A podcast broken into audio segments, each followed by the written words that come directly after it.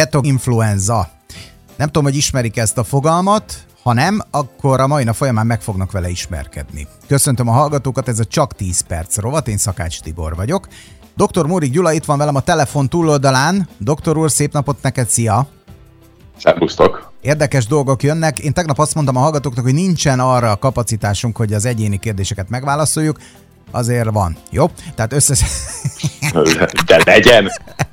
Igen, mert hogy jó, én is ezt elmondom így adásban meggondolatlan, aztán utána pedig után elkezdelek téged így atrocitálni, hogy azért válaszoljunk már ezeknek a drága De hát ez a jó, ez a jó, pont ez a lényeg, ez a feladatunk, én azt gondolom. Jó, ez a oké, rendben. Jó, tehát akkor menjünk már bele ezekbe az érdekes kérdésekbe, jó, mert azért sokan tudunk abból tanulni, hogy a másiknak milyen problémája van, és ő milyen válaszokat kap rá. Hajrá! Rendben nagyon sokan vetették föl ezt a jelenséget, hogy ketogén influenza mi ez? tünet együttes. Mielőtt elmondom, mi ez azonnal, csak hogy nagyon sokan azt mondták, hogy jó, mikor ez jelentkezett, akkor ők, ők, őket ez eltántorította, és itt vége van. A ketogén influenza megnevezés fontos, arra 10 e-mailből, 10 e-mailből 9 sok. erről szól, hogy ennek, akik nem is tudták azt, hogy ez miről, miről, miről van itt szó, de ennek a hatására hagyták abba. Ezért figyeljenek most erre szénhidrátok gyors kivezetése során egy ténylegesen influenza fertőzéshez hasonló állapot jelentkezik a szervezetben.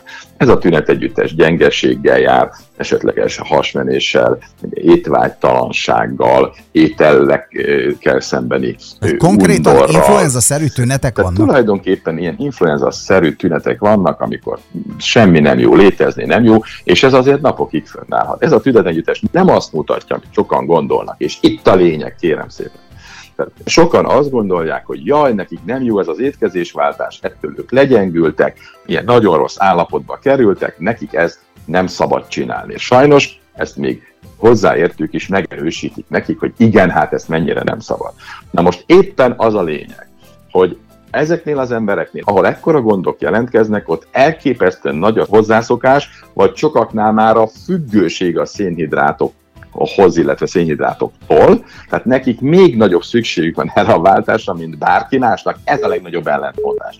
Ezeknek az embereknek a legfontosabb, hogy vigyék tovább a programot, és menjenek túl min az elvonási tüneteken.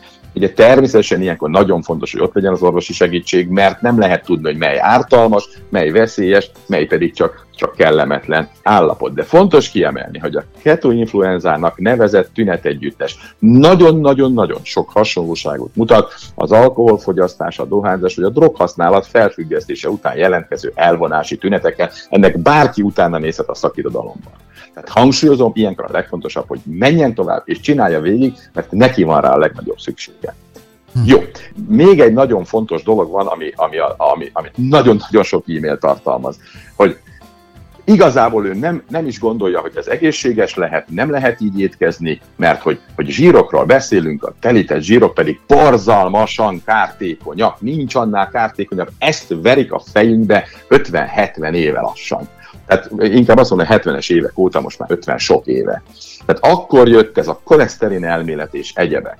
Hagy mondjam el, ez annyira erős, ez a fajta indokolatlan és elhibázott és rossz tanulmányokon és rossz tudáson alapuló zsíroktól való zsírfóbia tulajdonképpen, hogy ez engem is magával ragadott. Tehát amikor én betegen javítást keresve és a normál orvoslásban nem találva kiutakat kerestem, és ezeket a tanulmányokat megtaláltam, és elkezdtem olvasni, akkor azt mondtam, hogy úristen, hát én ezt elkezdem, és ez engem meg fog ölni.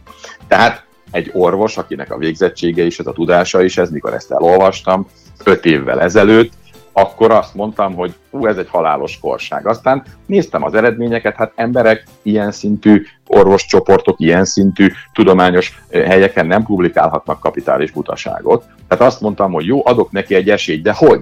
Szigorúan eltiltottam mindenkit az én ételeimtől, hogy ez annyira veszélyes. Aztán mikor elkezdtek változni a paramétereim megdöbbentő irányba, tehát mértem a saját paraméter, testi működési paramétereim változását, és valami fergetegesen pozitív hatás volt, akkor jöttem rá, hogy úristen, butassággal tartom magam, vagy tartottam magam, és tartom a szeretteimet távol, egy nagyon egészséges történet, és akkor engedtem meg több mint egy év kutakodás után, hogy, hogy ők ugyanezt csinálják. Ugye téged is folyamatosan lebeszéltelek, ha emlékszel, hogy meg ne próbáld. Így van, pontosan.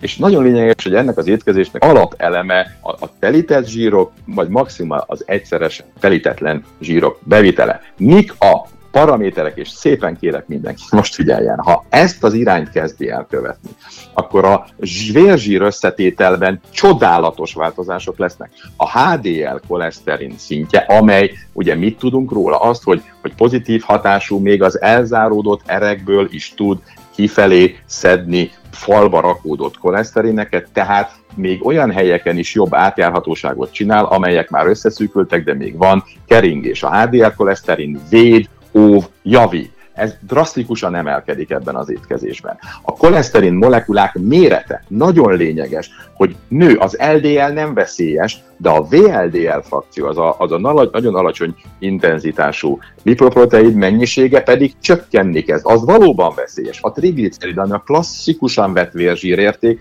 az drasztikusan csökkenni kezd. A gyulladási faktorok, mint a CRP jelez, drasztikusan csökkenni kezd, és a normál, nagyméretű, úgymond pejhes LDL valóban nő egy picit, de az meg egyáltalán nem veszélyes, az meg kell, hogy nőjön. Tehát ha összességében nézem, akkor egy olyan állapot alakul ki, amely teljesen meg tudja akadályozni az infarktus kialakulását, közel nullára csökkenti a stroke kialakulását, és az érel messzesedéseket és záradásokat, sőt a korábbi problémákat is, ha jól vezetjük ezt a táplálkozást, akkor bizonyos a betegekben vissza lehet fordítani. Tehát nagyon-nagyon rossz az az elképzelés, hogy a telített zsírok ártalmasak. Hát igen, sláger téma volt ez is tulajdonképpen, mert ugye a hallgatók nagy többsége ezt is visszajelezte, hogy nem lehet egyszerűen értelmezni a labor eredményeket.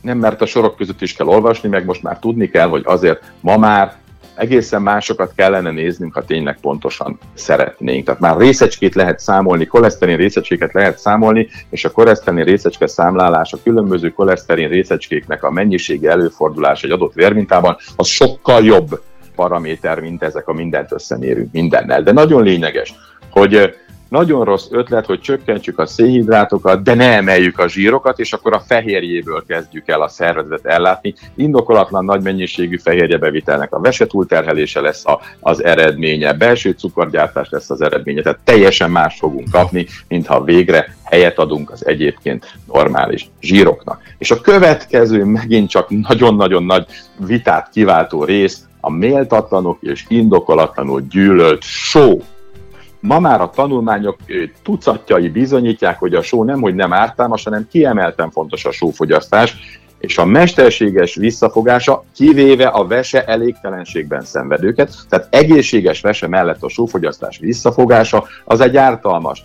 és a sóhiány tünetei jelentkeznek, és a sóhiány ételek utáni sóvárgáshoz, indokolatlan éjségérzetet hoz, jelentős és szükségtelen mennyiségű ártalmas túlevést eredményez. Hm? Hát erről ugye volt már adás, itt ezt van, ismétlésként szeretnénk a hallgatóknak most bemutatni megint.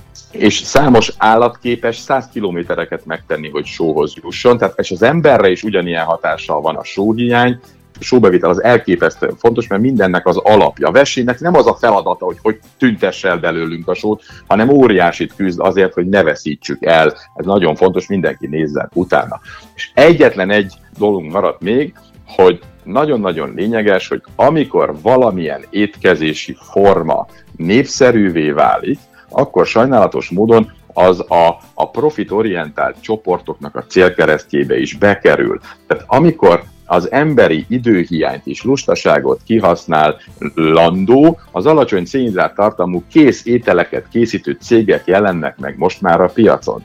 Ezek a készételek, ezek borzalmasan feldolgozottak, elképesztően tartósítottak, persze makrotápanyag összetételében jobb, de egyébként semmivel nem jobb, mint, mint a más összetételű, erősen feldolgozott élelmiszerek. Itt az feldolgozottság foka az, ami ártalmas lesz. Tehát elképesztően fontos a tiszta forrás, a lehető legalacsonyabb feldolgozási szinten lévő valós, teljes tápanyagokkal való ételkészítés. Ez a gyógyulás egyik alapereme. Mindenki gondoljon erre, amikor készételeket vásárol, és koncentráljon a hazai kis gazdaságokra, háztályék körül ellátett jó minőségű alapanyagokra, mert ezekből lehet maguknak egészséges ételeket készíteni.